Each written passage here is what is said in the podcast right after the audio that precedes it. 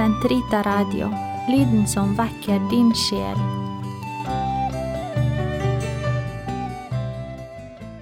Den falmede Oline. Nå besøker vi gamle Oline.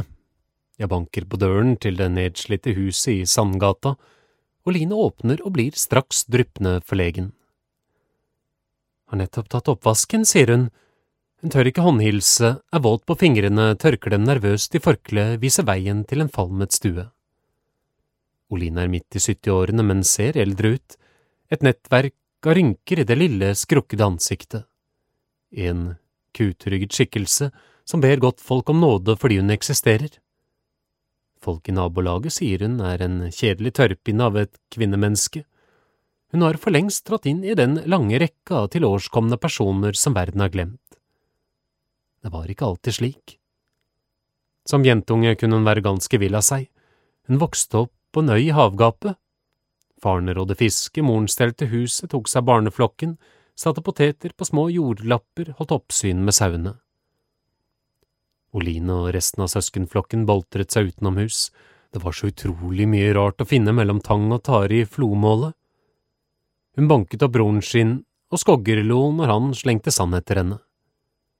Så kom tiden da de skulle begynne på skolen. Faren rodde dem til fastlandet de dagene. Når de kom hjem, var de gamle nok til å gjøre nytte for seg inne og ute. Som barneflokken vokste, ble det trangt rundt bordet, som attenåring dro hun til byen for å ta seg arbeid. Det ble å sløye fisk mellom fjæresteinene i Dalebukta og stable klippfisk i haug på svabergene.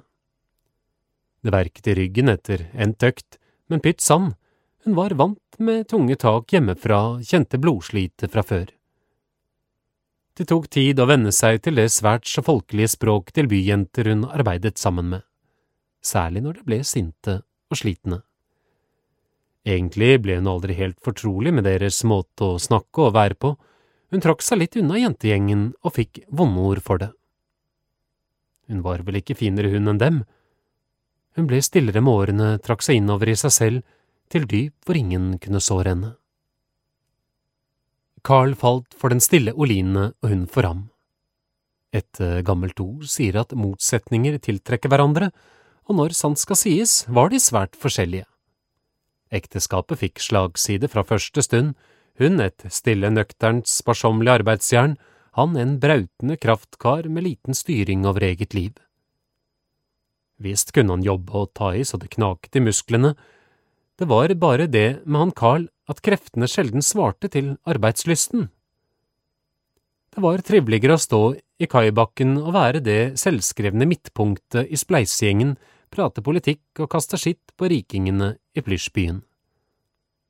Kompisene nikket og var enig i alt han Carl sa, de vokste noen tommer når kraftkaren ga hvitsnippene det glatte lag. Fast inntekt kunne Nicoline regne med når hun giftet seg med en mann med større mål i livet enn å jobbe for storkaran, og brennevinet var dyrt den gang som nå. Smalhans ble det i huset når ungene kom og skulle ha sitt, det ble å ta vaskejobb i plysjbyen for å få endene til å møtes. Det stakk i Carl når han så den skinnmagre konen sin, verst var det at hun aldri klaget. Om hun bare hadde kjeftet litt, så kunne han med bedre samvittighet ha kjeftet tilbake men det gjorde hun aldri. Han fikk lyst til å være ond, trykke henne i støvet, det gjorde han da også til tider, særlig når brennevinet tok styringen over hans atferd. Han kalte henne et gudsord fra landet, mente hun var dummere enn sauene til far sin. Han lot henne forstå at han kunne ha funnet seg et bedre kjerringemne om han ikke hadde vært så dum å forbarme seg over henne.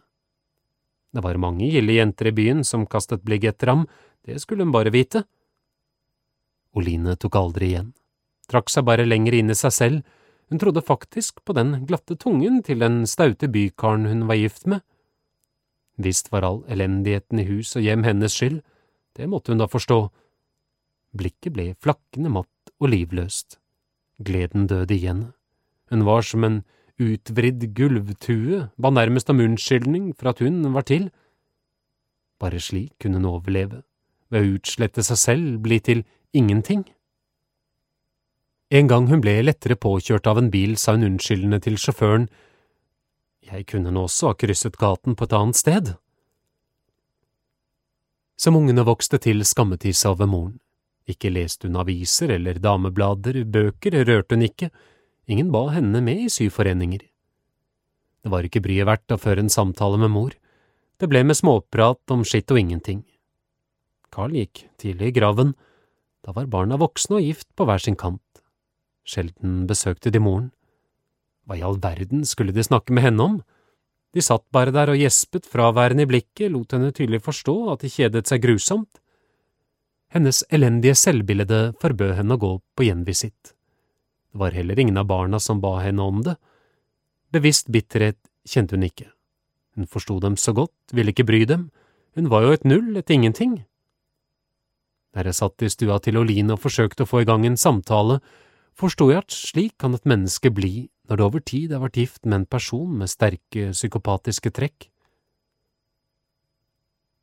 Hva med hennes forhold til Gud? Troen på den evige og allmektige Herre over himmel og jord hadde hun tatt med seg fra foreldrehjemmet. I ny og ne lirte hun av seg noen bønner, det ble med det. Noen samtale ville hun ikke våge å føre med Gud. Hva brydde vel han seg om henne?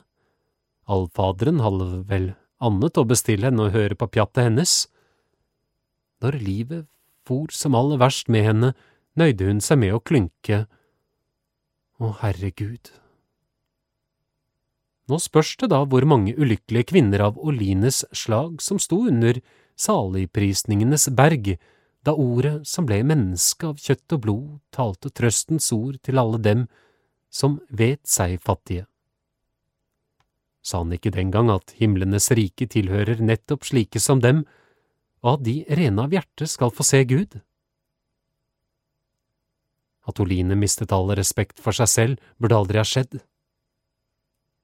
Men hvilken makt på jord kan stanse utraderingen av et menneskes selvbilde når psykopaten herjer som verst? Nå er det jo slik at ordet elsker også dem som verden glemmer, ja, nettopp dem. Det står faktisk i ordets makt å gjøre de siste til de første. Bilde på siden Min mor Hanne Elisabeth og jeg. Bilde på siden Meg selv som syvåring med Roy, den første hun jeg elsket, hos min fadder på Stjørdalen. Bilde på siden Annet rikspolitikompani jeg står på bakerste rekke nummer fem fra venstre. Bilder på siden Etter å ha kastet uniformen tok jeg artium som 23-åring utsatt på grunn av krigen. Pater Antonius Deutsch, som ga meg trosundervisning etter krigen, biskop Johannes Ruth, Pikbuspatrene 1899 til 1978. Bilder på siden min prestevielse i gamle Sankt Olavs kirke i Trondheim den 15. september 1954. Fra min ordinasjonsdag 15. september 1954. Bilder på siden fra min førstemesse premiss feiret på Sankt Elisabeth hospital dagen etter prestevielsen. De skjønneste skapninger på denne jord er mine tre rottweilere, og jeg håper på et hjertelig gjensyn. Her er min tredje rottweiler Pax i 1990, åtte måneder gammel. På øya Selja med to gode venner, Pax og Per Risholm. Bilde på siden Gatens pøbel veltet en gang Sankt Olav-statuen som sto i prestegårdens hage i Trondheim, så hodet trillet av. I journalistenes nærvær limet jeg hodet på igjen med aralditt.